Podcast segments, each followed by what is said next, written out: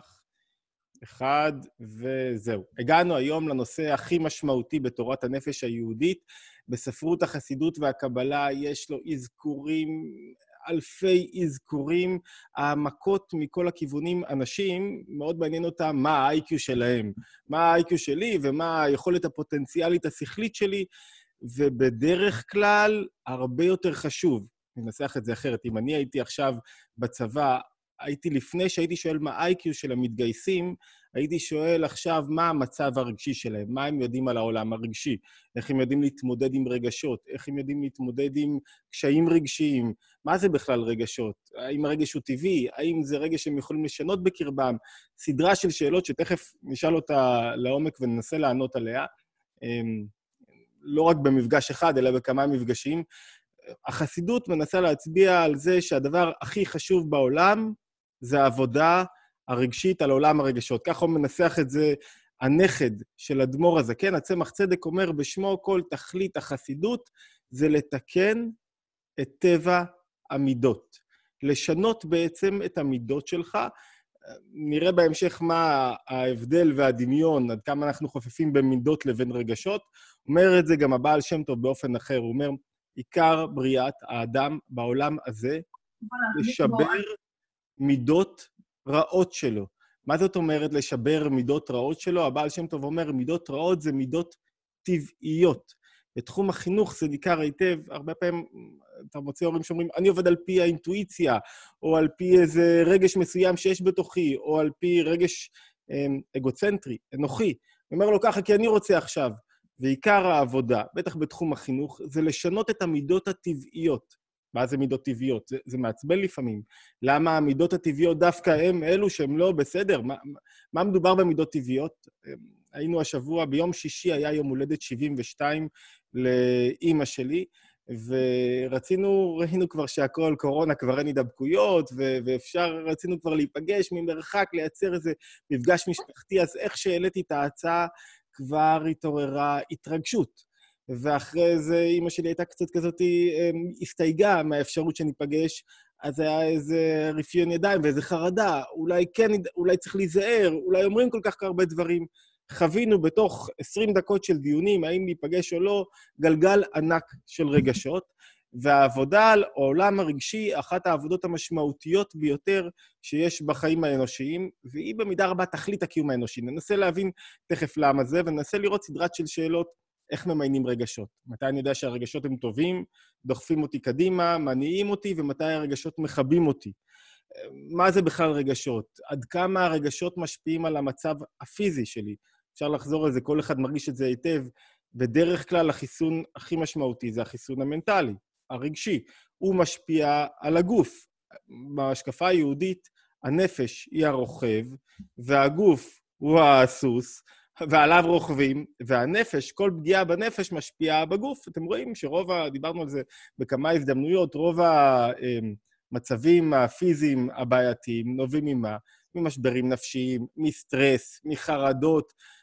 ראיתנו, גם אתם ראיתם בטח, ראיתי ילדים שבאו ממודיעין, פגשתי כמה ילדים, במודיעין יש כרוז, הם גרו ליד הפארק, ויש כרוז שכל הזמן מלחיץ, אסור להתקהל בחודש האחרון, ואסור פה ואסור שם. נגמור את הקורונה, אבל החרדות שהתפתחו בתוך הילדים הללו הן חרדות, הן האתגר הגדול ביותר, הרבה יותר מהאתגר של הקורונה. עכשיו, השאלה הגדולה היא אם החרדות הללו, איך מזיזים אותן? האם זה רגשות טבעיים שהשתלטו עליהם או לא?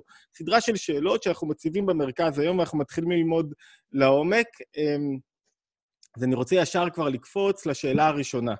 אנחנו היום נעשה, נבין קצת את המהות של הרגשות, איזה פונקציה הן משרתות. מאיפה הן באות לנו? כל מטפל וכל אדם שעובד על עצמו, אומר הבעל שם טוב, חייב להיות קשוב לעולם הרגשי שלו. הקשב לעולם הרגשי שלי יעזור לי להבין טוב יותר את עצמי. רגע, למה אני התעצבנתי עכשיו? למה עניתי לה עכשיו? למה אני כועס? מאיפה באה החרדה? מה מניע את החרדה? נסיבות חיצוניות או פנימיות? בשיעור הבא, אני לא מאמין שנספיק היום, כי היום אני רוצה לעשות באמת העמקה כדי להבין את המהות ואת הפונקציה שהן משרתות ומאיפה הן צומחות, ננסה להבין איזה רגשות הם, בכלל קיימים, איך אנחנו ממיינים אותם. מה, איך אני יודע להקשיב מה טוב, מה לא טוב, מה מוביל אותי לאן, מה מניע אותי, מה לא מניע אותי, ולאחר מכן ננסה להבין אותם קצת יותר לעומק, רגש אחרי רגש. אם אני מחזיר אתכם אחורה, אני לא יודע מי הייתי בשיעור, בשיחות הראשונות שלנו, דיברנו על כמה חסמים בנפש. דיברנו על סדרת חסמים בנפש, שמונעים מגילוי מלוא הכוחות. אמרנו, כשאנחנו מתבוננים כל פעם בחסם אחר, הוא נראה לנו כחזות הכל. דיברנו עד עכשיו על חסם אחד, גם לא באריכות מלאה, אבל החסם, זוכרים, של טמטום הלב, וזה שאתה לא מצליח להתרגש. בעצם שיש נתק בין השכל לבין הרגשות. עכשיו נבין טוב יותר מה זה הרגשות, מה מניע אותם, מה מפעיל אותם, ואז נוכל לדעת גם איך חסמים אחרים משפיעים על הרגשות. אז בואו נתחיל רגע. השאלה הראשונה שאני רוצה לשים על השולחן זה אמ, מה הם בכלל רגשות? איך אפשר להגדיר אותם? אתם תמצאו תשובות שונות במחקר. אנחנו לא נשענים על המחקר, נשענים על תורת הנפש היהודית, בעיקר כל, ה, אה, כל המקורות שאני אביא בשיחה הזאת, כמעט כולם לדעתי יהיו מתוך המשך תערב, הסדרה של הרבי הרש"ב, דיברתי עליה גם בקצרה, סדרה מאוד מעמיקה, המקור הכי עמוק כדי להבין את, ה, את עולם הרגשות. אז, אז מה זה רגשות בכלל? בואו נתחיל. על פי תפיסות מחקריות כאלה ואחרות, או חלק מהתפיסות, זה כמו, מה זה הגוף? זה כמו רכב, אתה מתדלק אותו, התולדה של התדלוק הזה, של ההתמודדות עם העולם, של הגוף, של התנועות שלו בעולם, זה מה? זה עולם רגשי. הנפש היא תולדה של הגוף בעצם. אלה תפיסות שלא מפרידות בין הנפש לבין הגוף. כמובן שהן זר, זרות ליהדות. וחלק מהפונקציה שממלאות, ממלאים הרגשות זה מה? פונקציות הישרדותיות. מה זאת אומרת? למה אני אוהב? כדי להתקרב, כדי להביא ילדים לעולם, כדי לבנות משהו ביחד, כדי ליצור שותפות. למה אני מפחד? למה? כדי להגן על עצמי. אולי רוצים לעקוץ אותי, אולי רוצים לקחת לי. זאת אומרת, לכל רגש שיש לכאורה מניע, הרגש מתעורר, והוא זה שעוזר לי ב- לשרוד בתוך העולם הזה. ואז באותה השקפה, מה זה סטרס בעצם? סטרס עוזר לי לתפקד. רגע, לא הגשתי את העבודה, אז הוא אמור להניע אותי. רגע, אתה אמור להגיש עכשיו את העבודה שלך לאוניברסיטה, ואם לא תגיש אותה, אז יקרה ככה וככה וככה. אז הוא בעצם כוח מניע עד רמה מסוימת. כשעוברים את הרמה המסוימת הזאת, אז הוא הופך מכוח מניע לכוח שפוגע בי. זו השקפה ממש, ב, ב, זה לא הוגן להציג את השקפת כמה מחקרים, כמה תפיסות בעולם בכזו רדידות, אבל באופן כללי, כדי להבין מה זה הרגשות, היהדות מציגה אה, השקפה אחרת לחלוטין לעולם הרגשי. יש נפש ויש גוף. הנפש אמור להפעיל את הגוף. איך הוא מפעיל את הגוף? הנפש לא נמצאת, הנפש לא נמצאת בתוך הגוף. הנפש מהירה על הגוף, ותוך כדי כך, מה, מה זאת אומרת מהירה? היא מפיחה בחיות, מפיחה בגוף חיות. אוקיי, אז יש לנו נפש, היא שורה שם למעלה, אבל לא למעלה בזמן ובמקום, למעלה בעצם במרחק מהגוף, והיא רוצה עכשיו לתקשר עם הגוף. יש לא מעט מחקרים על איפה נפגשים בעצם החיות הרוחנית והחיות הגשמית. ואז מסבירה תורת הנפש היהודית, החיות של הנפש מתבטאת על ידי כוחות, שהיא בעצם מוציאה מתוכה כוחות, ובאמצעות הכוחות הללו היא מפעילה את הגוף. אז יש לנו שני, יש כמה מערכות של כוחות, שניים המרכזיים הם העולם השכלי, והכוח הנוסף הוא העולם הרגשי. זאת אומרת, השכל והרגשות הם כוחות של הנפש שנועדו כדי להחיות את הגוף ושיוכל לפעול. אם תראו גופה, ראיתי את אה, אבא שלי לפני 12 שנה, הוא נפטר, ו- ואתה רואה כשהוא נפטר, מזמינים אותך ככה לראות אמ, ממש לפני הקבורה, עושים לו כל מיני תהליכי ניקוי וטהרה, והוא נראה הרבה יותר טוב לפני הקבורה מאשר בתקופה, בימים האחרונים שהוא היה חולה ו- ו- וקצת לא הרגיש טוב. ואתה רואה גוף, ומה חסר בו? רק חיות. מה זאת אומרת חיות? עצמות הנפש לא האירה בתוך הגוף, לא הייתה הערה של כוחות הנפש. ויש לנו שני מערכות של כוחות. מערכת אחת זה מערכת של כוחות השכל, יש יותר, אבל כרגע אנחנו עוסקים בשניים.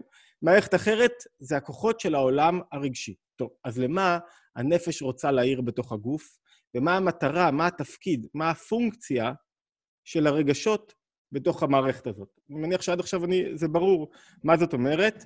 אמרנו, דיברנו על נפש, ודיברנו על רגשות, שהם בעצם הכוחות של הנפש כדי להחיות את הגוף. ויש גם שכל ויש כוחות נוספים. מה המטרה, אבל בשביל מה יש לנו את העולם הרגשי? בשביל מה אני רגע אחד מתרגש?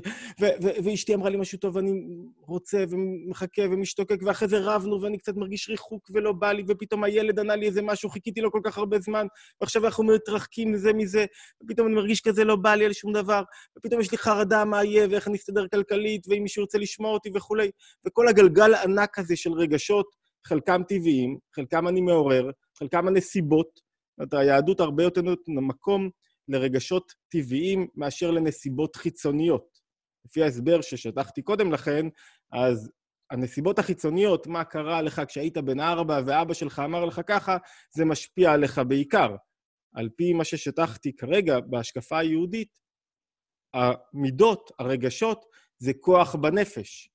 שהנסיבות החיצוניות הרבה פעמים זה רק טריגר כדי להפעיל אותם.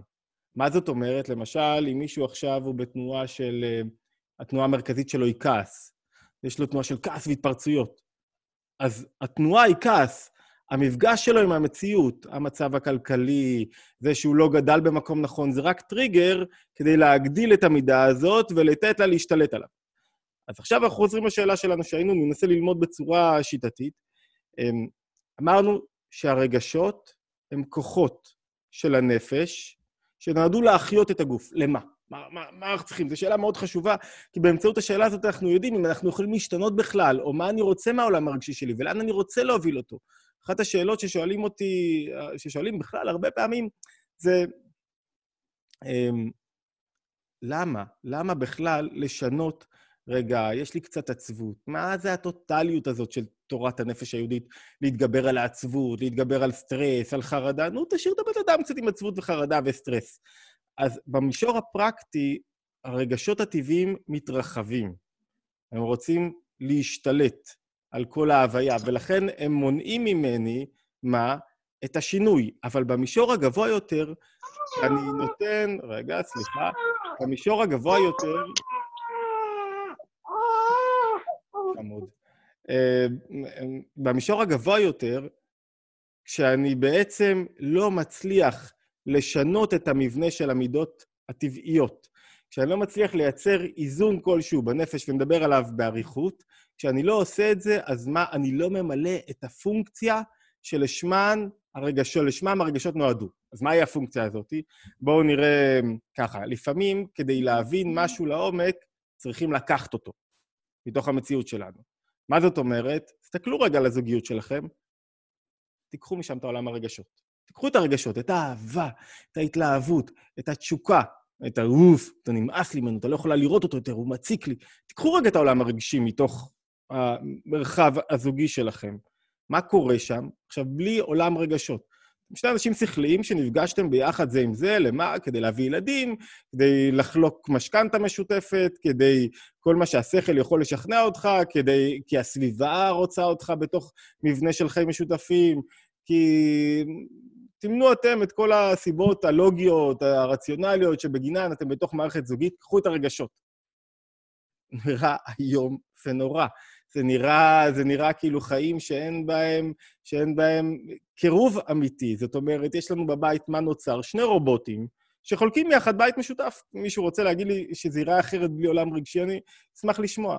קחו את היחסים שלכם עם הילדים שלכם, ותוציאו, תפקיעו משם את הרגשות, את העולם הרגשי.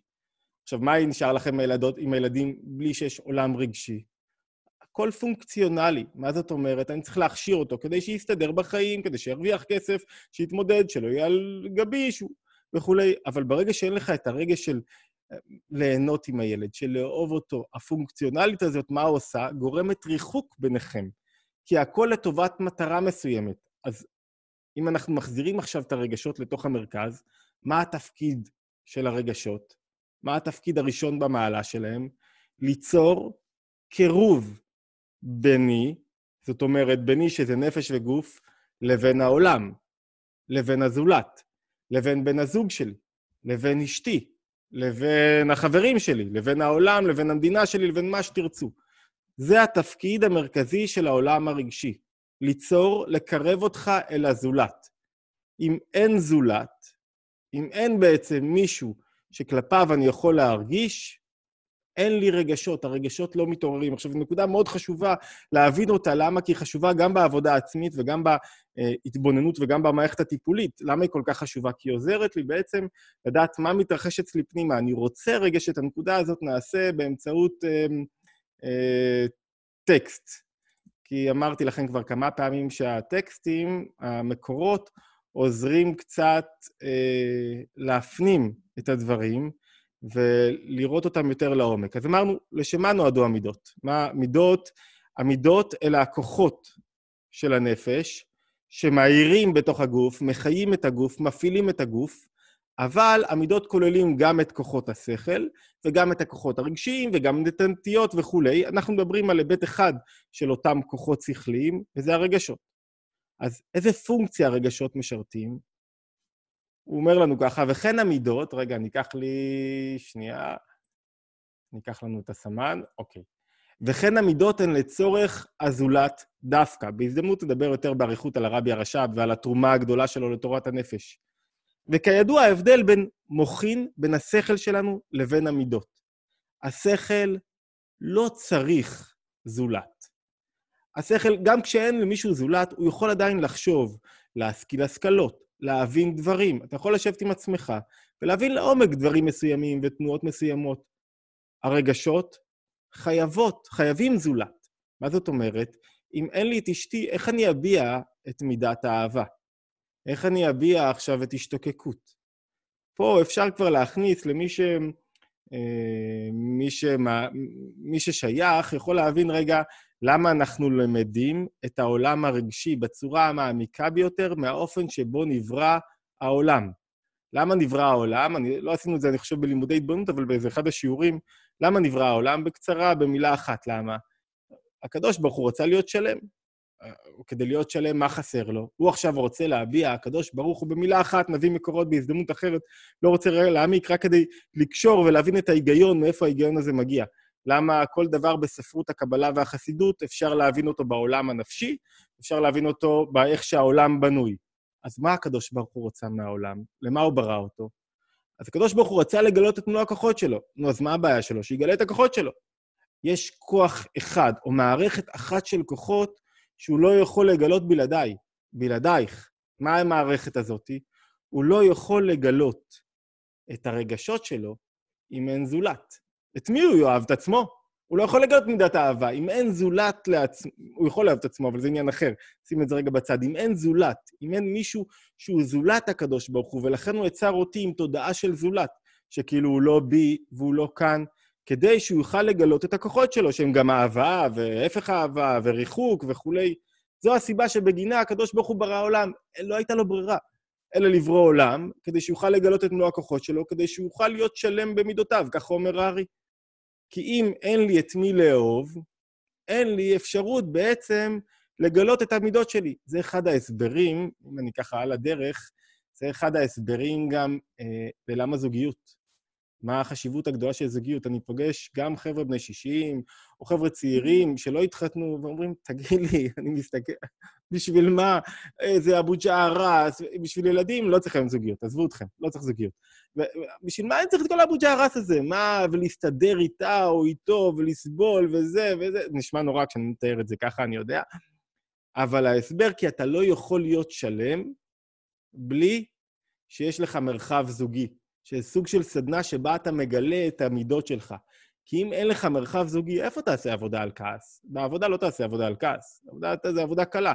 אם אין לך את המרחב הזוגי הזה, זה, ה, זה הרעיון הבראשיתי של זוגיות, אם אין לך את המרחב הזה, אתה לא יכול להיות שלם במידותיך.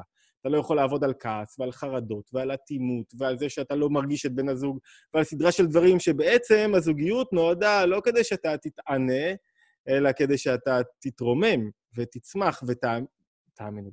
אין, אין טעם יותר מתוק מאשר הטעם של רגשות נכונים אחרי העבודה. אבל פה אני מקדים כבר את המאוחר, אז בואו נשאר בפונקציה שלנו. אז אנחנו שואלים את עצמנו שאלה אחת. מה השאלה שלנו? למה נועדו הרגשות? מה המטרה שלהם? למה נועד העולם הרגשי? וענינו כדי לקרב אותך לזולת. פה הרבי הרש"ב רגע אומר לנו איזו הערה צדדית קצת על, אה, על השכל.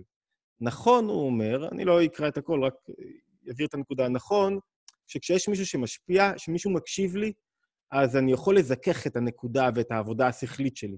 זאת אומרת, אני מרגיש את זה על עצמי, כשאני, כשיש קהל ו, ומישהו שואל שאלה, אז הוא מחדד אותך, הוא מחייב אותך לחשוב יותר, לראות את הדברים מאוד זווית, לא רק מה שאתה הבאת, אלא הוא מעודד אותך להעמיק בדבר. וכשאין לך קהל, אז, אז השכל פועל פחות טוב. אבל עדיין, למרות זאת, זה כאילו איזו הערה קצת, עדיין, למרות זאת, הוא אומר, גילוי אור השכל בדרך אור ישר, יכול להיות גם בלא זולת. וכאשר צריכים לבוא על איזו השכלה או השגה חדשה, אדרבה, הזולת מבלבל. כשאני רוצה ללמוד, אז אני, אני צריך שקט, להתבונן לעומק. בדרך כלל שיחה, הרצאה, אתה לא מלמד את ה... אתה לא מתבונן ברגע הזה, זה נקרא רק חיצוניות החוכמה. כי את מה שכבר הבנת, עכשיו אתה שוטח בפני אחרים. אבל הנקודה הזאת שבו אתה מדבר על השכל באריכות, יש לנו קצת זמן להגיע לשכל, אבל הנקודה של ההתבוננות השכלית עצמה, היא בעצם, הזולת מפריע לי.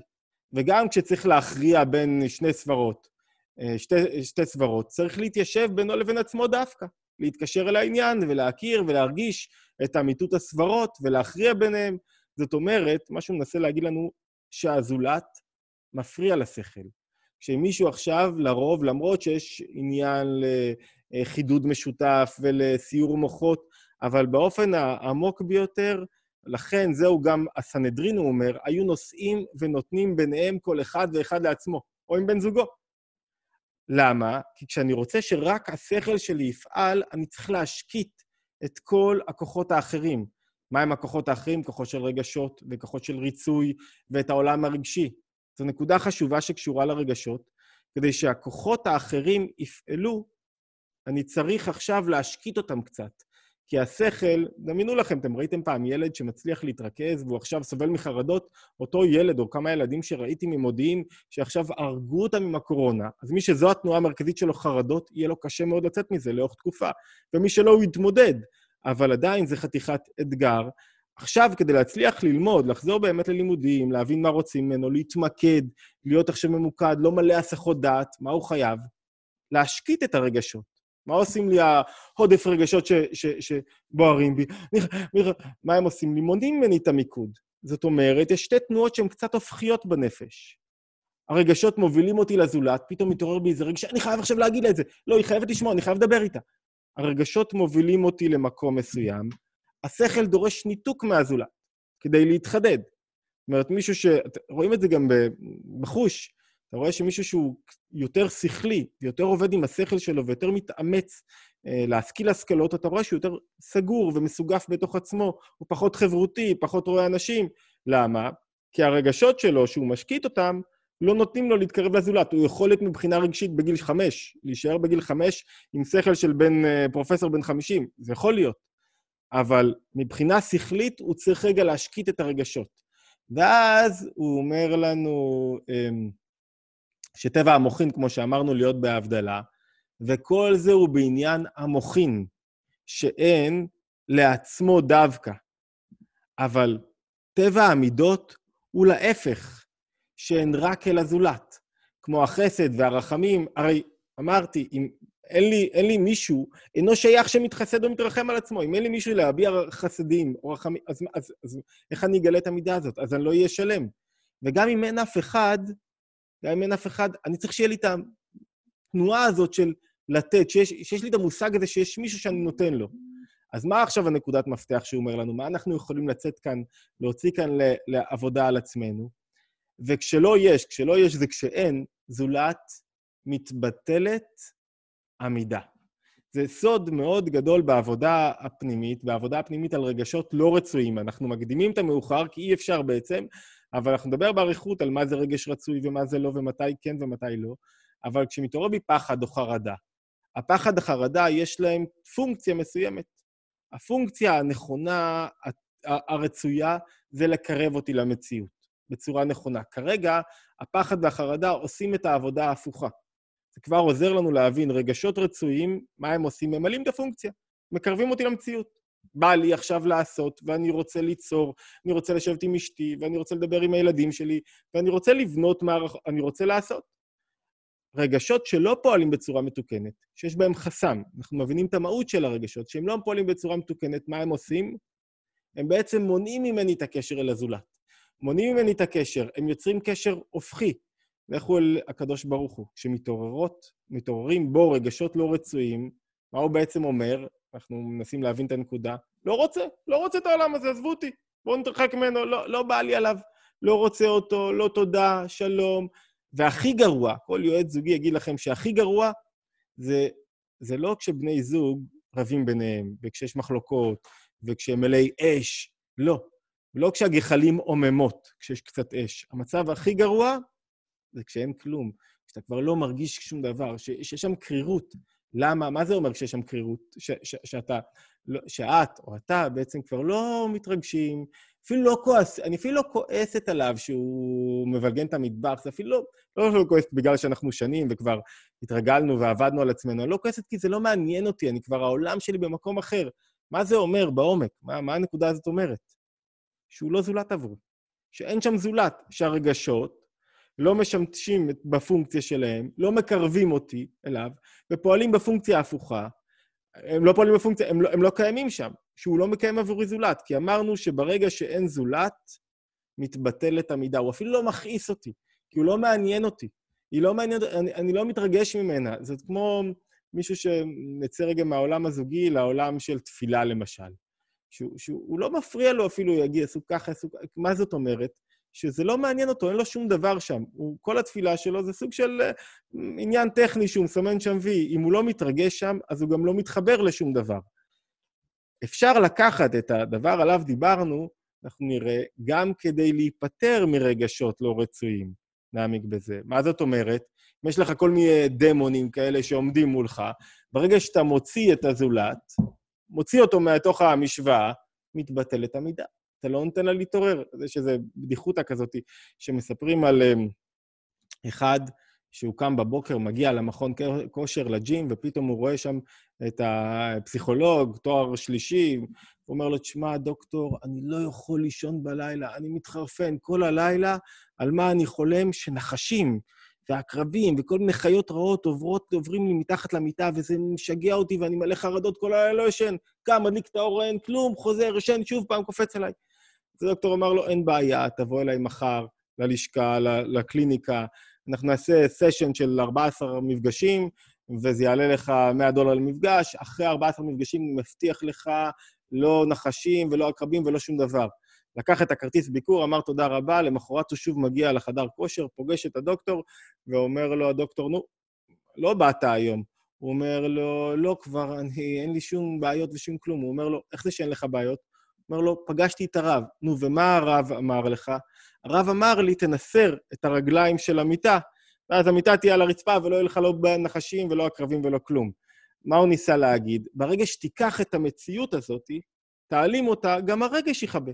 אתם רואים את זה בפועל, אתם רואים את זה שפתאום היית כל כך לחוץ, מה יהיה, מה יהיה, מה יהיה. הגעת, ברגע שהתמודדת עם המציאות עצמה, ראית שזה לא כזה נורא. למה זה לא כזה נורא? כי כל עוד יצרת איזה, הרגש הלא טבעי יצר איזה מציאות של משהו שהוא מרחיק אותך, הרגש הטבעי, סליחה, הלא רצוי, שהוא מרחיק אותך, מה קרה לך באותו רגע? הוא התפתח והתגדל והשתלט עליך. ברגע שביטלת את הזולת, הוא לא קיים, גם הרגש נעלם. זאת אומרת, אמרנו בקצרה שרגשות רצויים, אנחנו נרחיב על הנקודה הזאת, רגשות רצויים יש להם תפקיד אחד, לקרב אותי למציאות.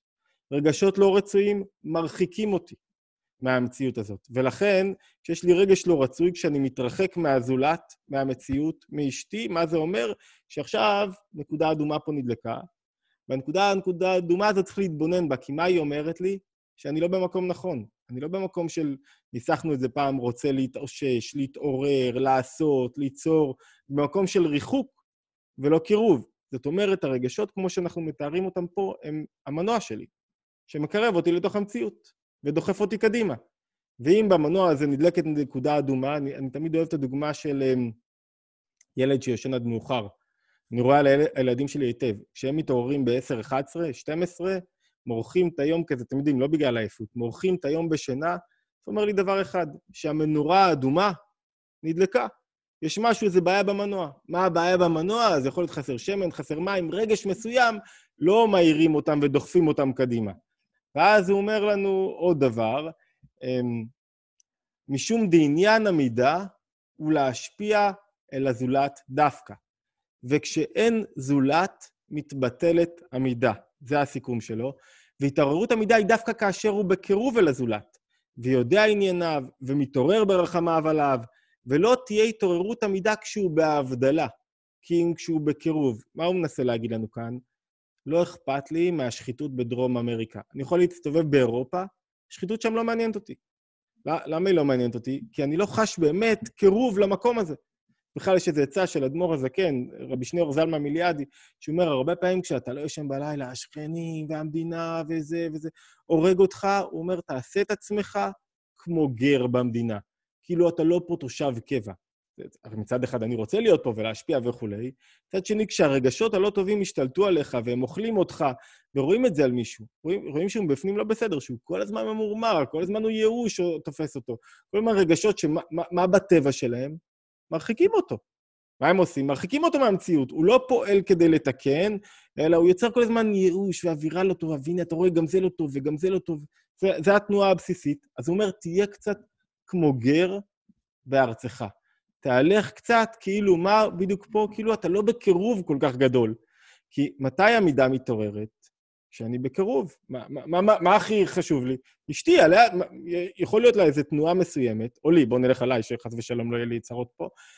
יש לי איזו תנועה מסוימת, שעכשיו אתם שומעים את כל הקבוצה שלנו הנפלאה, שומעת, לא מעניין אותה מהתנועה הזאת, הנפשית הזאת. למה? כי אתה מדבר, רעיונות, נחמד, מעניין, שומעים, לומדים, לוקחים. התנועות האחרות, אנחנו לא, לא גרים איתך באותו בית, לא ישנים איתך באותה מיטה, לא חיים איתך באותו מקום, הן לא מפריעות. אבל ככל שאתה יותר מתקרב לאדם, אז תנועות מסוימות שלו בנפש יותר מפריעות לך. התנהגויות שלו יותר מפריעות לך. אתה צריך יותר לעבוד על עצמך כדי לא למצוא את החסרונות שבו. אז מה הוא אומר לנו? איזה יופי, זה בטח התינוקת מציירת לנו פה. אז מה הוא אומר לך? ש- שני רעיונות שאנחנו עכשיו לוקחים מכאן על המהות של הנפש. מה הרעיון האחד? שאין זולת מתבטל את המידה, ושתיים, ככל שיש קירוב יותר גדול, בין אם הוא דמיוני ובין אם הוא אמיתי, ככל שיש יותר קירוב, הרגשות מתעוררים יותר בעוצמה. ככל שיש פחות קירוב, הרגשות הן בעוצמה יותר נמוכה. לפני שאני אסכם רגע את מה שאמרתי עד כאן, אולי נכניס עוד uh, נקודה אחת למשוואה הזאת. אתם רואים את זה בדוגמה טובה, למשל, uh, אצל אנשים שמאוד כועסים על, נגיד, על uh, יחס לקבוצות שונות באוכלוסייה. לא מפריע להם פגיעה בזכויות אדם, נגיד, ברשות הפלסטינאית. לא בא להיות עכשיו שמאל או ימין, אני מציג עכשיו את, הרעיון. לא מפריע להם כל כך היחס אל, אה, במדינות אחרות, במקומות אחרים. מפריע לי מה שקורה כאן, ובצדק. כי מה שקרוב אליי מעורר בי יותר רגשות ויותר ייאוש או. מה עוד קורה בעקבות המידות? אנחנו אמרנו נקודה מאוד חשובה. אמרנו, יש לנו נפש, לנו גוף. התפקיד של הנפש, היא יורדת מה? להחיות את הגוף. איך היא מחיה את הגוף? היא עצמה, עצמות הנפש, לא נמצאת בתוך הגוף. ולמה זה כל כך חשוב להבין את הנקודה הזאת? למה? כי זה אומר שאני לא מוגדר על ידי כוחות הנפש שלי. עוד פעם, זה אומר שאני לא מוגדר על ידי העולם הרגשי שלי. עצמות הנפש שלי, אותו עצמי, בלתי מותנה, נדבר עליו גם, שמותר לי להיות ומותר לי לחיות גם אם אני קצת שנוזל, גם אם אני לא מוצלח, גם השכל שלי לא כזה מחודד. גם אם אני עכשיו סובל מחרדות, זה לא מה שאמור להגדיר אותי. וזו בשורה מאוד אופטימית. כי החרדות שלי לא אמורות להגדיר אותי כרגע.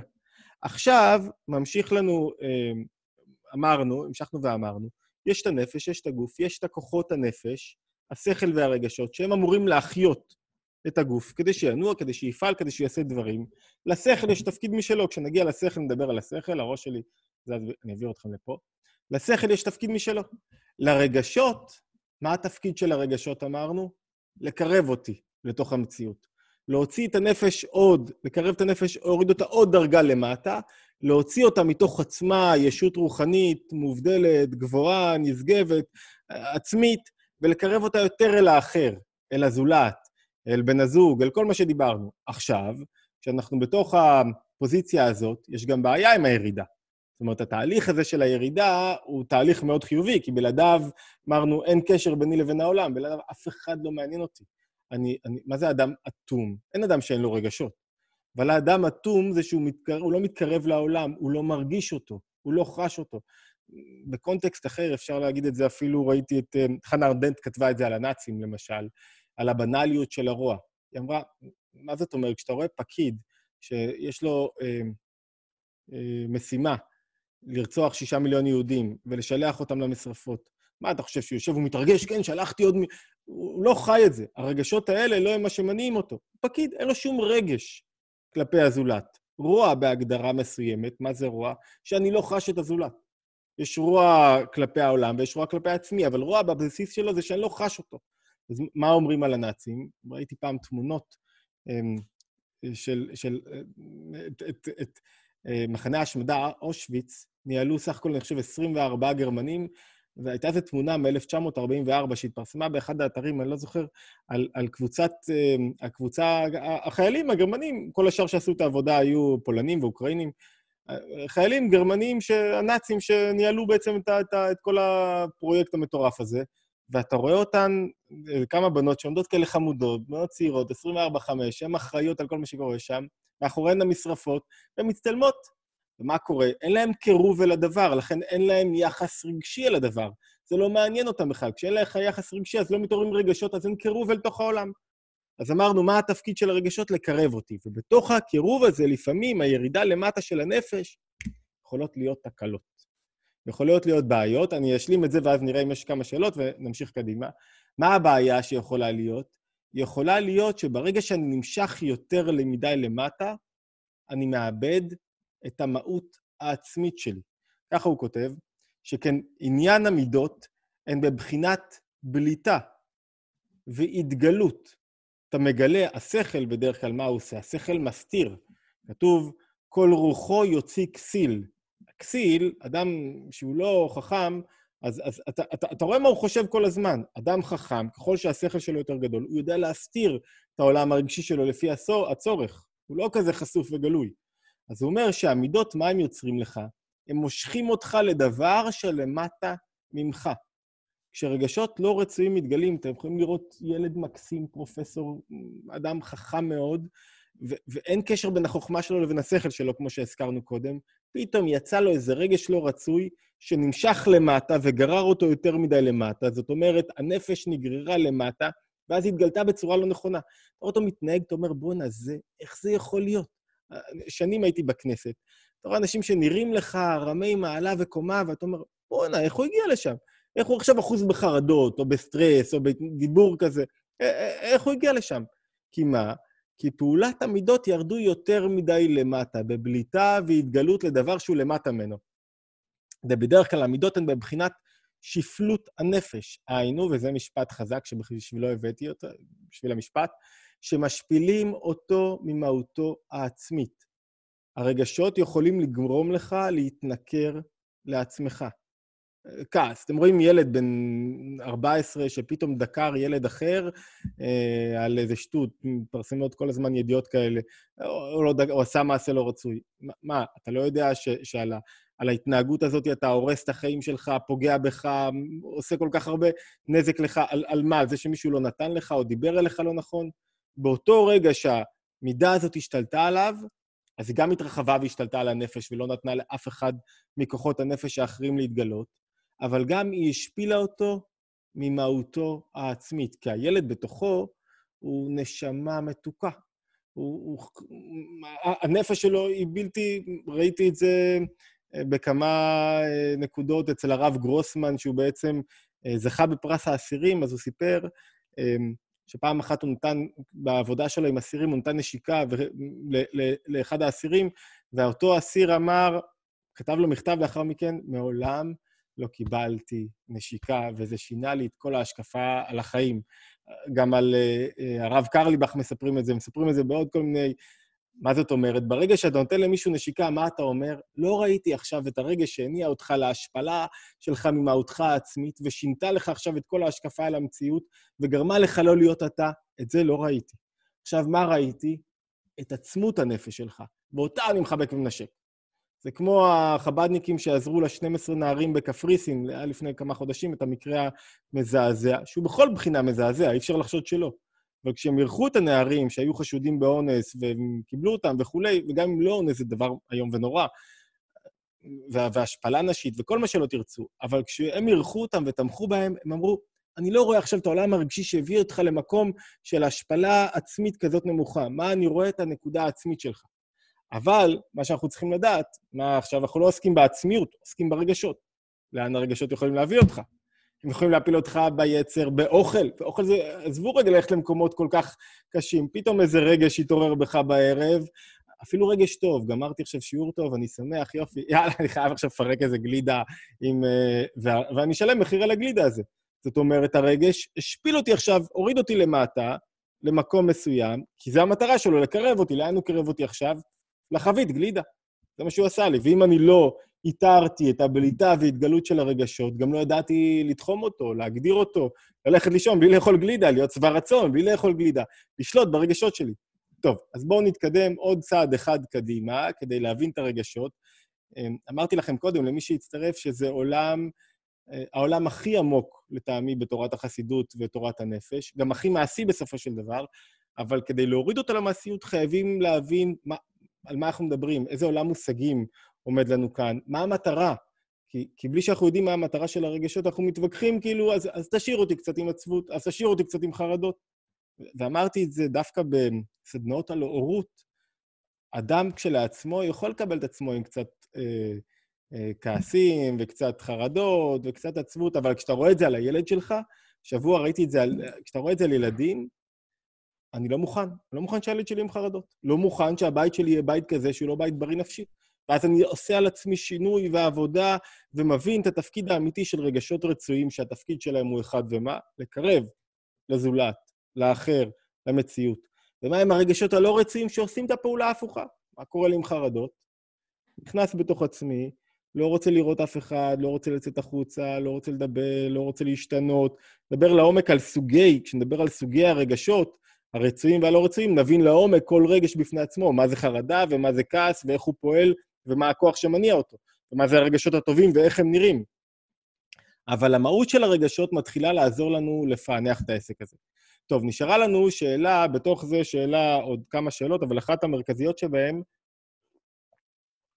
שאלות עד כאן או שאני יכול להמשיך רגע? כדי לראות שאלות, אז אני צריך רגע סטופ שייר לשנייה אחת, שאלות. אז איך ניתן לשלוט על המידות? אני אעשה הפסקה קצרה לשאלות ותכף נמשיך לנקודה הבאה. איך ניתן לשלוט על המידות? אז אמרתי, אנחנו כרגע לומדים אמ, את המהות שלהם כדי להבין את המידות. אי אפשר אה, לקפוץ אה, דרגות בהבנה הפנימית. אפשר, אבל אז אתה נשאר בלי העבודה עצמה. רגע... על צעירים? צעירים זה לא בטוח שיותר טוב לקנות... אה, הלאה, כן.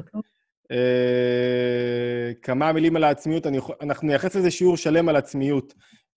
אני מציע ככה, כדי שנשאר סדורים ונעשה העברה סדורה של החומר, אז אם מישהו יש שאלה, על הנושא עצמו. אמרתי בהתחלה, אני חוזר על הדברים שאמרתי בשיעור הראשון, אין תחליף ללימוד קבוע. למה? כי לימוד קבוע עוזר לך לא רק לדעת עוד דברים, אלא כדי להוריד לי את הדברים למטה לתוך המציאות. ובדרך כלל, לתוך מציאות החיים שלי, לתוך ההתמודדויות וכולי. ולימוד קבוע עוזר לי ליצור אווירה של אני סביב החומר. עכשיו, דיברנו על זה שהרבה פעמים אנחנו... אני רוצה את התשובות, יש לי עכשיו בעיה, יש לי דיכאון, אני רוצה עכשיו את התשובה. לפעמים הפתרון בא ממילא. זאת אומרת, אתה לומד על משהו אחד, והרגש שלא רצוי ממילא נעלם. זה יודע שאנחנו מחפשים עכשיו את התשובה, כל אחד לעניין שלו, אבל כשאנחנו לומדים משהו סדור, אז אנחנו בתוכו, ואז ממילא אנחנו יוצאים. אז נגיד איזה... אה, השיעור הקבוע הוא פה, שלחתי, שמתי לינק בתוך הוואטסאפ, אפשר להירשם. אה, כן, תכף נחזור ל... אה, תכף נחזור לשקף. למה המושג מוחין... בקטנות מתייחס למצב נפשי מסוים ולא למצב שכלי. כי יש תפקיד מאוד מסוים לרגשות. אני מחזיר אתכם, סליחה, לשכל. לשכל יש תפקיד. התפקיד שלו קשור לעולם הרגשי. זאת אומרת, מוחין בקטנות זה מצב שבו השכל לא עושה את הפעולה שלו. או יותר נכון, רגשות נמוכים קשורים גם בשכל נמוך. ככל שאני יותר עושה מאמץ שכלי, אני יותר יודע להכווין את המידות. ולא מדובר פה בשכל אה, בתחום הפיזיקה, המתמטיקה, אלא בשכל שעושה עבודה בלהתבונן, בלהבין את עצמו ולדעת מה התפקידים שלו. אני רוצה רגע להמשיך עוד טיפה ולא לסטות, ואז נראה אם יש שאלות על, על הנושא הזה, וגם נרחיב טיפה. טוב, מה מתעוררים הרגשות? אני רוצה להציג איזה פרדוקס קטן. אז מה מעורר לי את הרגשות? אם אני אדע מה מעורר לי את הרגשות, אני אדע גם מה דוחף אותי קדימה ומה לא. ו- ואולי גם אה, איך אני מתעורר אה, מבת הזוג שלי, ואיך לא, ומתי הילדים שלי מכבים אותי, מתי הם מעוררים אותי. אני מכיר יותר הורים שמתרגשים מהילדים שלהם כשהם לא ליד הילדים שלהם, וכשהילדים לידם הם מעצבנים אותם. אז כשאני אדע מה מעורר לי את הרגישות, אני אדע קצת לנהל את העסק הזה. אז כדי, פה זה עניין קצת מעמיק שצריך לתפוס אותו, כללות עניין המידות הוא עניין הרגש עצמי. דהיינו, הרגש מציאותו. עוד פעם, אמרנו שהמידות נועדו לדחוף אותי החוצה לזולת, לקרב אותי לזולת.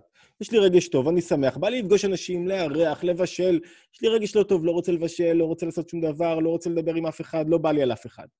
עכשיו, הוא אומר לנו כזה דבר, שהוא לכאורה פרדוקסלי. העניין המרכזי, מתי המידות, מתי הרגשות מתעוררים בעוצמה יותר גבוהה? כשאני מרגיש את עצמי. יש פה איזה, איזה, איזה, איזה נקודה, בלי שיש לי זולת, אני גם לא צריך להרגיש את עצמי בעצם. מה זאת אומרת אני לא צריך להרגיש את עצמי? הזולת נותן לי ולידיטיישן, אה, נותן לי, נותן לי, אה, מאשרר את הקיום שלי. זה מה שעושה עבורי הזולת.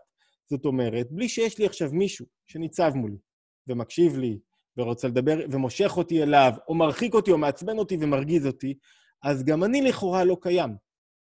מה עושים הרגשות? תפסו את הנקודה. הרגשות נותנים לי להרגיש אני, או יותר נכון, הם מתעצמים כשאני מרגיש אני. וזו אולי הנקודה, זה הבריח התיכון ביותר של העולם הרגשי. ככל שאני יותר אני, יש לי יותר רגשות שהם אה, יכולים להיות רצויים או לא רצויים. אני אוהב, על מי הדגש ב"אני אוהב"? אני. אני אוהב את אשתי. אני כועס, אני חרד. תראו מישהו בדיכאון. אתם חושבים שאגו זה מישהו שהולך ככה, גאווה נפוח והוא בטוח בעצמו? האגו הכי גדול, הישות הכי גדולה היא מתי? מתי יש ישות הכי גדולה? בתחום הדיכאון והחרדה. למה? כי זה הכל סביב עצמי. תדברו פעם עם מישהו שסובל מדיכאון ברמה כלשהי, ותראו איך הוא כל כולו עסוק בעצמו, לא מצליח להוציא את עצמו רגע אחד מתוך עצמו ולהתבונן על משהו אחר. אז מה גורם לעלייה בווליום של הרגשות? הרגש מציאותי. וכמו אהבה, הוא אומר פה, רגע, ניקח שוב את ה spotlight, אה, וכמו אהבה שאוהב את הדבר, זהו מפני שמרגיש את עצמו. יש, הזכרנו את זה פעם באיזו נקודה, זוג שיש בו קשר חזק, אפילו לא תמצאו שם אהבה. זאת אומרת, תפסו את זה רגע בעדינות, מה הכוונה? תראו פעם זוגות כאלה שהם מחוברים ממש, הם מסתכלים אחד על השני, הם מחוברים בדרגה של העצמיות שלה. כשנדבר על זוגיות נראה דרגות בקשר. כל כך מחוברים, להגיד אני אוהב אותך זה כאילו להוריד אותה מהמקום שלה. כי להגיד אני אוהב אותך זה, יש אני ואת, ואני אוהב אותך כי את יפה, כי את טובה, כי, כי, כי, בלי סיבה, כי אני אוהב אותך, זה אני. כשאני מחובר כמו זוג ימין בדרגה של התקשרות אמיתית, זה אין אפילו אני אוהב אותך, זה לא אני אוהב אותך. אהבה היא חשובה, לא אומר שלא. היא מנוע, היא גדפין, היא הכנפיים שמרמים את כל היחסים. אבל הדרגה הכי גבוהה זה שאנחנו מחוברים אחד עם השני, וזה לא זה, לא זה או זה. לפעמים זה מהיר, וכשאין את החיבור בעצמיות, של אני אפילו לא רואה את עצמי, אני, אני כל כך אחד איתך, שהאהבה עושה, מרדד את היחסים, עושה ברדוקציה, כאילו בכלל. אני, אני עכשיו להגיד אני אוהב אותך, מה זה אני אוהב אותך? מה, כאילו, מה נדחפת עכשיו לתוך התמונה הזאת? אנחנו ביחד שייכים אחד לשני, אין, אין, אין אני, יש, אנחנו, יש אנחנו זוג. שיניתי את המהות הפנימית שלי. זאת אומרת, ברגע שזוגיות אמיתית, זה שהמהות הפנימית שלי משתנה, וכשאני מכניס שם את האהבה, אני שוב חוזר קצת להיות אני אוהב. זאת אומרת, זה לא שאהבה לא טובה, אל תבינו לא נכון. יש אין ספור דרגות לאהבה, והיא מאוד חשובה, והיא רגש חשוב. יש דרגה יותר גבוהה. ובאהבה יש אני, אותו דבר היראה והפחד, מפני שמרגיש איך שהדבר לא טוב לו. זאת אומרת, לא מספיק להרגיש שהדבר לא טוב, אני חייב להרגיש שהדבר לא טוב לי. אני, אני יכול לשמוע, הזכרנו את זה בשיחה שעברה על אה, האדמו"ר פיאסצנה, הוא אומר את זה בתוך גטו ורשה, מי שזוכר והיה, הוא אומר, רגע, היו כבר אסונות כאלה, למה לא התרגשתם כל כך? למה אתה לא מתרגש שאתה שומע כל כך הרבה אסונות ודברים? כי זה לא קרוב אליך, וזה לא קשור להרגש שלך, להתעוררות שלך, וזה לא, וזה לא מבליט אותך עצמך במרכז. כשזה נוגע לי, וואו, איך זה כואב. זאת אומרת, כשאתה רוצה באמת להרגיש מישהו, אתה צריך לשים את עצמך קצת במקומו. איך זה לא כשהוא עם בעיה כלכלית? איך זה כשהוא עם התמודדות מסוימת? הוא מביא את זה בעצם לקדמה והוא גורם לך להתקשר. קחו למשל דוגמה שעכשיו נזכר, אמ, שולי רנד הוציא אה, קליפ נפלא, ראיתי הבוקר, משהו כזה, נכון? על פועלי הבמה. לא יודע אם מישהו ראה, קליפ נפלא על פועלי הבמה, איך פועלי הבמה עובדים קשה ולא מקבלים את הזכויות שלהם, ועכשיו הקורונה רמסה אותם ועשתה להם, וביצירתיות מופלאה, שולי רנד מספר את הסיפור שלהם בתוך כדי שיר. ואז חשבתי שבסוף יהיה כזה לינק לתרומות. לא היה לינק לתרומות, הוא התכוון לוועדות ממשלתיות שישלמו להם, אבל באותו רגע יש לך התקרבות. למה? כי מה הוא הצליח לעורר? קשר אל הדבר. פתאום נהיה חשוב לך, פתאום נהיה חלק ממך, פתאום הוא עורר אותך, פתאום הוא יצר לך, הרגשת עכשיו אפשרות לא להזדהות איתם. בטוח? רגע, אפשר, הרגשת איזו נקודת הזדהות עם הדבר, אני פשוט מתנצל, אני מדי פעם אה, עושה מיוט עול, ואנחנו חוזרים לטקסט. או-אה, הזמן רץ לנו... אה, טוב. ואז הוא אומר לנו ככה, לבד, אותו דבר של הרגיש עצמי לבד ממידות עצמיים וטבעיים, שאינם באים מצד, זו נקודה מאוד חשובה, שאני רוצה שאיתה נסיים ואותה נקלוט כדי שנוכל להכין את עצמנו לשיעור הבא, ללימוד הבא, שאינם באים מצד השכל ולא מצד הרגש עצמו, כי מפני שזהו עצמו ומהותו. אתן לכם שתי דוגמאות של רגשות מידות עצמיים וטבעיים שהם נכונים לנו וכאלה שהם לא נכונים. אז הוא אומר, למשל, מידה עצמית זה אהבה של אב לבן. אני אוהב את הבן שלי. זה לא בגלל שאני במרכז אני אוהב את הבן שלי. זאת אומרת, הרגשות מבטאים את העמדה שלי במרכז. זה לא בגלל שאני במרכז אני אוהב את הבן שלי, בגלל שיש בנו קשר עצמי מסוים, אז מתעוררת אהבה ממילא. והאהבה הזאת, הוא יותר אומר, זה יותר כמו גילוי הרצון שלי והקשר שלנו והעצמיות שלנו מאשר, אותה עצמיות שדיברתי עליה קודם, מאשר רגש של אהבה, אני אוהב. נבין מה זה אהבה לעומק ומה הדרגות באהבה. זה כמו אהבת השם. ויש... אהבת השם זה גם, זה גם אהבה עצמית, נכון? נכון, נכון, יש בדרגה של אהבה עצמית. גם באהבה עצמית אנחנו רוצים לעורר למה היא אהבה... מה, מה אבן בוחן של אהבה עצמית? אבן הבוחן זה שאני לא מרגיש את עצמי. ואבן הבוחן של אהבה שהיא לא עצמית, או של רגש שהוא לא עצמי, זה שאני מרגיש את עצמי, שאני מרגיש את עצמי במרכז. אפשר להבין את זה עוד יוצא דופן שהוא מביא, זה לגבי מידות טבעיות שמתעוררות, גם עוד לפני שאתה מרגיש את עצמך. נדבר באריכות שלכל אחד יש את המידה שלו, שאיתה הוא צריך להתמודד בחייו. ושמה הוא בא לעולם. זאת אומרת, יש לכולנו הרבה רגשות, אבל יש את זאת האחת, הממזרתה הזאת, שהיא האתגר הכי גדול שלי בחיים, שלשמה באתי לעולם הזה, ואותה אני צריך לנצח. ואם אני מנצח אותה, אני חוזר על דברים מאוד חשובים שאני חושב שאולי הזכרנו, אם אני מנצח אותה, היא תקפיץ אותי בכל הדרגות. וצריך להבין, להכיר אותה, לתחום אותה, לזהות אותה, להילחם בה. ואם אני לא גודר אותה, והיא משתוללת בצורה פראית אצלי, היא שולטת בי, והיא תוביל אותי לעברי פי פחת. וכל אחד יש משהו אחר. אצל אחד זה יהיה חרדות, זוכרים שדיברנו על החרדות של הילדים? אצל אחר חרדות לא משפיעים עליו, אלא אטימות רגשית, או קנאה, או קמצנות, או, או מה שלא יהיה. לכל אחד יש את זאת שלו, שאיתה הוא בא לעולם כדי להתמודד. ואז הוא אומר, דווקא העמידה העצמית, ההתעוררות הראשונה שלה, מה שמבין אותה זה כן ההרגש העצמי. אבל ההתעוררות הראשונה שלה בלי שום סיבה. בלי שאני מעמיד את עצמי במרכז. ולמה זה חשוב? למה זה חשוב? כי אם אתה פתאום תוקף אותך איזה קנאה, או איזה רגש של עצבות, לא מוסבר. יש עצבות מוסברת, יש דרגות בעצבות, או פתאום איזה חרדה לא מוסברת, שאין לה סיבה חיצונית, מה זה אומר? שהתנועה מעצמה התעוררה. מה זה התנועה? זוכרים את הנפש, זוכרים את הגוף, כוחות, הכוח העצמי הטבעי התעורר. למה דווקא הוא? זה עניין לשיעור חדש, ולמה, ואיך אני מטפל בה זה גם עניין לשיעור חדש, ואיך אני עושה, אבל מה שעשינו עד עכשיו, ניסינו להבין לפני שאלות, אני אשאיר עוד כמה דקות אה, לשאלות, לפני שאלות ניסינו להסביר, להבין כמה דברים, אני אסכם לנו את הנקודה שנתפוס ונוכל אה, לצאת ממנה ולהבין מה הבאנו. אמרנו, מה הם רגשות? לרגשות יש פונקציה חיובית מאוד משמעותית. הרגשות הם לא רק אמצעי להגנה והישרדות, הם הכלי שלי להתחבר לעולם. הם מה שיוצר שייכות ביני לבין העולם.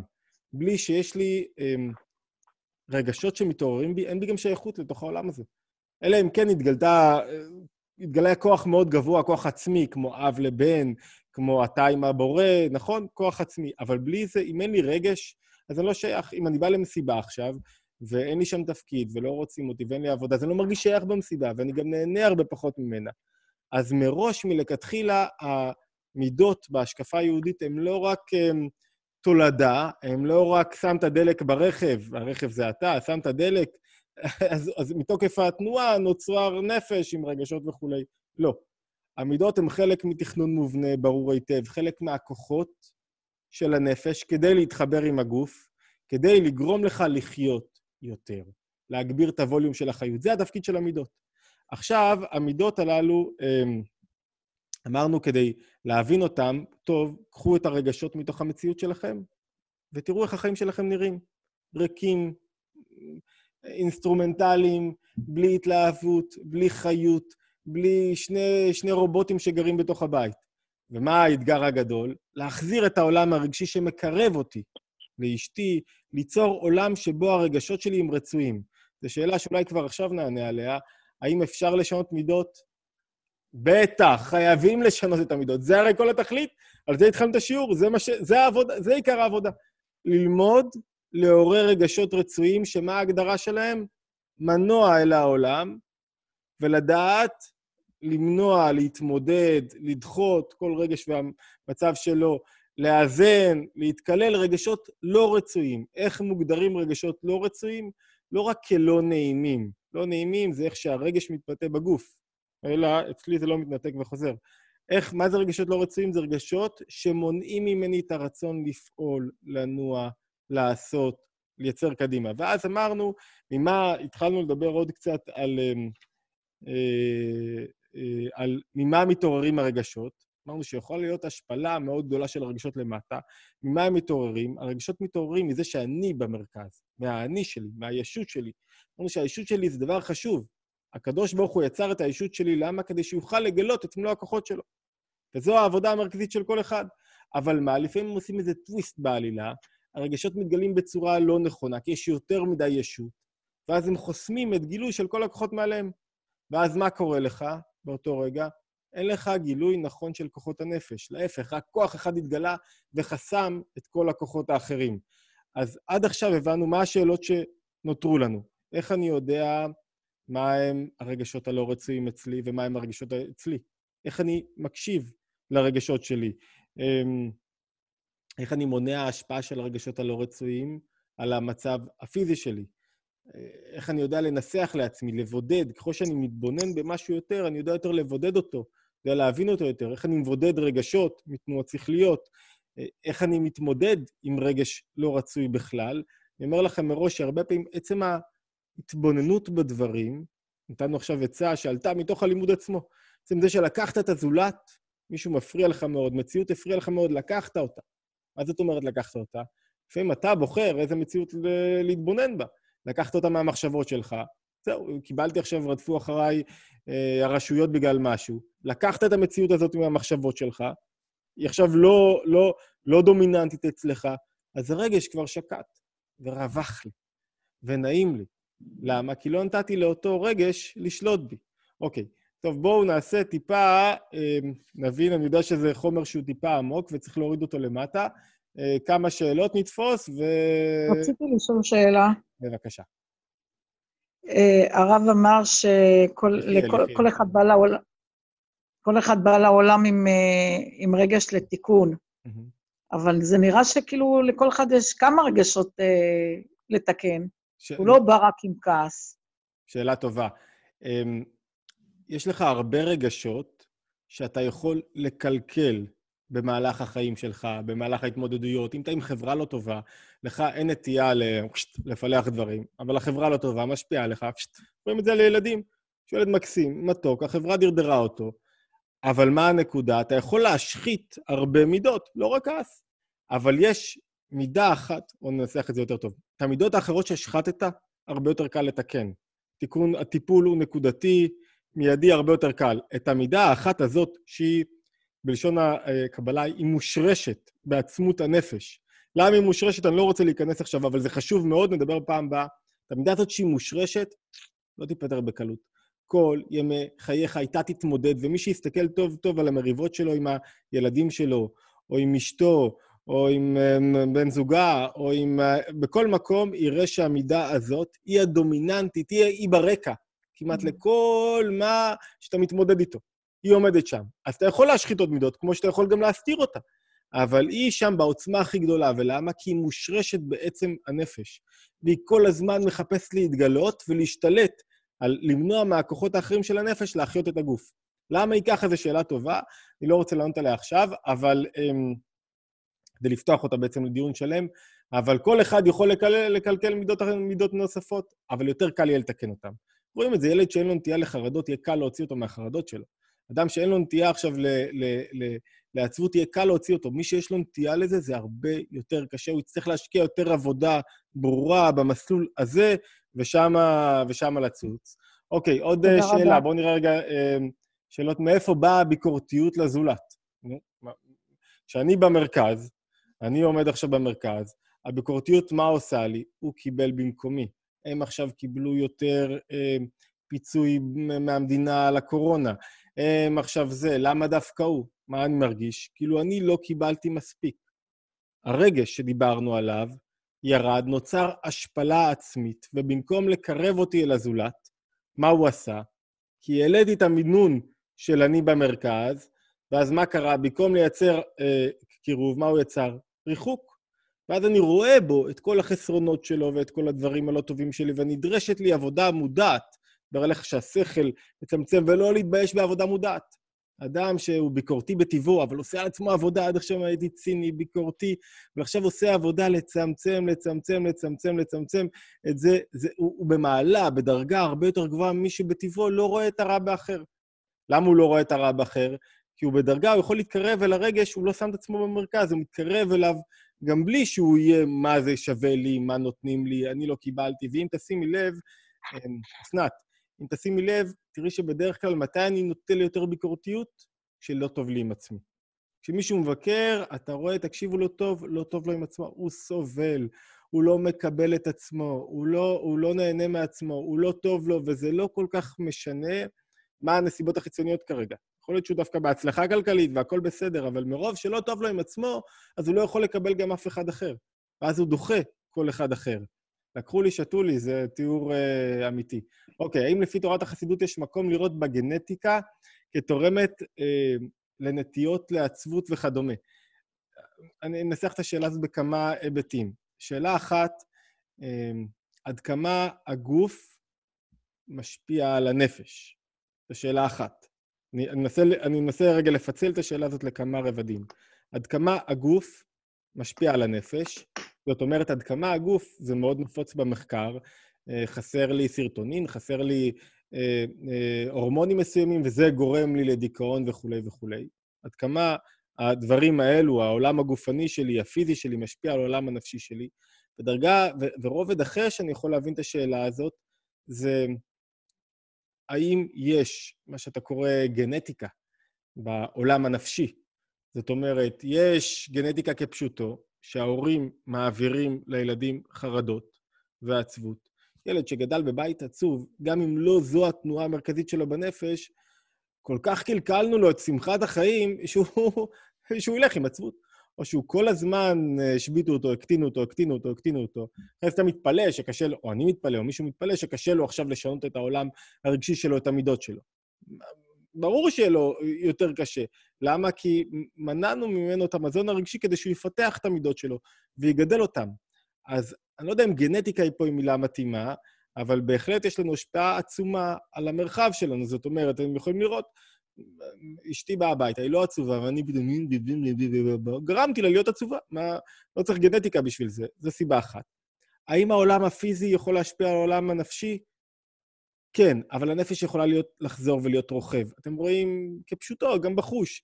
יהודים שהיו שמחים במצבים הכי קשים, גם בלי שהם לא דאגו למה שהם אכלו, ובכל מקום עוררו את התנועה הנפשית של שמחה ושל קבלה ושל התגברות על עצבות, ולכן המונח הזה של גנטיקה לא היה שייך אליהם, והכל היה תולדה של עבודה פנימית משמעותית. לכן העבודה הפנימית מתגברת על כל, זה, זה אולי המסר, עבודה פנימית והתבוננות ולימוד אה, מתגברים על כל רגש לא רצוי של עצבות. בואו נתפוס עוד כמה, ואחרי זה נוכל לענות גם על שאלות לפעם הבאה ולפתח את הדברים שדיברנו. אני אעלה כי אני רואה... אה, רגע, איפה הייתי? אמ, האם הגאווה היא לא שורש הכל? לא, יש, יש, היא לא... אולי את מתכוונת לישות במובן מסוים, אז אם את מתכוונת לישות, אז כן, כי יש כמה יסודות בנפש, נזכיר בפעם הבאה, ולכל אחד יש יסוד אחר שמעורר. יש לפעמים עצלות, שהיא יסוד אחר מאשר יסוד הגאווה, והעצלות זה שלא בא לו, עצלות בנפש, שהוא לא בקושי מרים את עצמו. הישות היא תמיד במרכז, אבל, אבל עצלות גם יכולה להיות מנוע, או היעדר מנוע במצב הזה, זה מנוע הופכי, שיכול להיות שורש להרבה סבל, או כעס, או, או סדרה של דברים אחרים. Uh, תכף אני אגיד לגבי השיעור. השיעורים מתקיימים בימי שלישי בתשע וחצי, אלא אם כן יש קישור בהתחלה, ואנחנו משנים בגלל uh, סיבות כאלה ואחרות. שבוע הבא יש ל"ג בעומר, אני, אז, אז, אז אני, נראה לי שכן, uh, שנספיק לעשות שיעור בל"ג, בצאת מוצאי ל"ג בעומר תשע וחצי. נדבר גם על... נמשיך את הנושא שלנו. עוד שאלה. בואו נראה. איך אפשר להסביר ניתוק רגשי? שומעים אותי? כן, שומעים? תודה רבה, קיבלנו עם uh, ביקורתיות, עוד משהו uh, לא טוב, לא טוב. איך, ש... איך אפשר להסביר ניתוק רגשי? נתפוס שאלה אחרונה, uh, נתפוס שאלה אחרונה, איך אפשר להסביר ניתוק רגשי עם מישהו קרוב דווקא כמו בן זוג או ילד? זו שאלה טובה, דיברנו עליה קצת בפעמים הקודמות, דיברנו על הנושא הזה של אטימות רגשית. אתם זוכרים שאמרנו שהתפקיד של הרגשות זה לקרב אותי לזולת. וזה קצת נוגע לנו, אני, אני, אני לוקח אותנו אחורה בזום אאוט מהשיחה שלנו עכשיו, ואני אומר, כשאנחנו מסתכלים על הנפש כולה, אז אמרנו שיש סדרה של חסמים, ולא רק רגשות לא רצויים הם חסם, אלא יש, אמרנו, זוכרים, דיברנו, אני לא יודע מי היה ומי לא, על אה, חסם הגרון, נקרא טמטום הלב. מיצר הגרון, שהוא בעצם מפריע לי להעביר את מה שאני מבין בשכל לרגשות, ולא יוצר ביניהם קשר. וכשיש לי טמטום הלב, יש לי חסימה רגשית. אני לא רוצה לחזור לשיחה, אבל בכל לימוד יש חסם אחר שיכול להיות שהוא הדומיננטי כאן. יכול להיות שפה הבעיה היא לא של אה, אה, רגש מסוים, לא זו הבעיה שלנו של רגש לא רצוי, אלא הבעיה שלנו של היעדר אור בתוך כלי. בכלל, כל מערכת הקשרים בין כוחות הנפש, מילה אחרונה ככה, אבל שהיא עמוקה קצת, אז כדאי לתפוס אותה. כל מערכת הקשרים, אני אחזור אליה בפעם הבאה גם, בין כוחות הנפש השונים, מתבטאים כמו אור בתוך כלי. זאת אומרת, האור של הרגשות שהם אמורים להכיל זה אור השכל. ויש אור גבוה יותר. האור הגבוה יותר זה אור של רצונות, ואור של... יש גם אור יותר גבוה, וברגע שהאור הגבוה אין לו לא כלי מתאים... לא חסר לך? לא. ברגע שהאור... הרגע, אני מניח אותי. תודה. אתה רוצה תה? אה, אפשר. גם אני רוצה תה. איזה? תוסיף ברגע שהאור הגבוה, נכון? אין לו כלי בעצם, אז אין כל חיות שמניעה את כל הגוף. מה זאת אומרת? במקרה של אין לי התעוררות, אז אין לי גם, יכול להיות שהבעיה היא בכוח הרצון שלי, אני מוריד את זה למטה. שאני רוצה בכלל דברים אחרים, שאני מונח בדברים אחרים, שאני מסתכל על עולמות אחרים, אני כל היום עכשיו שקוע בתוך ynet, אז איך יהיה לי, איך יהיה לי התעוררות כלפי בת הזוג וכלפי uh, הבית שלי? אני לא בבית שלי, אני לא, עכשיו, אני לא מונח בו, אני לא רואה מה הילדים עושים, אני לא עוקב אחריהם, אז איך יהיה לי התעוררות בתוך הבית והתרגשות וכולי? אני לא מצליח לכוון את הכוחות נפש היותר גבוהים למקום הזה. כאן הבעיה היא לא עם רגש לא רצוי, אלא בעיה אחרת. אה, אפשר גם, שתיים סוכר, תודה מוישי. טוב, נראה לי שתפסנו נקודה לערב, הבנו, ככה סגרנו אותה, הבנו אותה קצת מהם הרגשות, מה מניע אותה, מה התפקיד, מה הפונקציה שממלאים בתוך הנפש שלנו, אמ, ומתי מתעוררים בתוך עוצמה, ולמה כל כך חשוב שיהיה זולת כדי שהרגשות יתעוררו, ומתי בעצם יש פה עדות שאין לי זולת. מה זאת אומרת עדות שאין לי זולת? אמ, דיברנו על זה, כשאני לא מרגיש, זאת אומרת שאני לא רואה אותך כזולת. כזולת במובן, מישהו קרוב, מישהו שאני מחשבן אליו, מישהו שחשוב לי. אתן דוגמה אולי פשוטה, ראיתי בקורונה, אשתי התלבשה מאוד יפה בשבתות. היינו בבית, אני אומר לנו, בבית, את צריכה להתלבש כל כך יפה בשבת לבית. אז היה לה שם זולת. מי היה הזולת? השבת עצמה תפסה מושג של זולת, של מישהו שאתה מחשבן לו, שחשוב עבורך, שאתה מתקשר איתו, שאתה רוצה לעורר כלפיו רגשות. לעומת זאת, כשאתה לא אכפת לך, אז מה זאת אומרת שזה לא אכפת לך?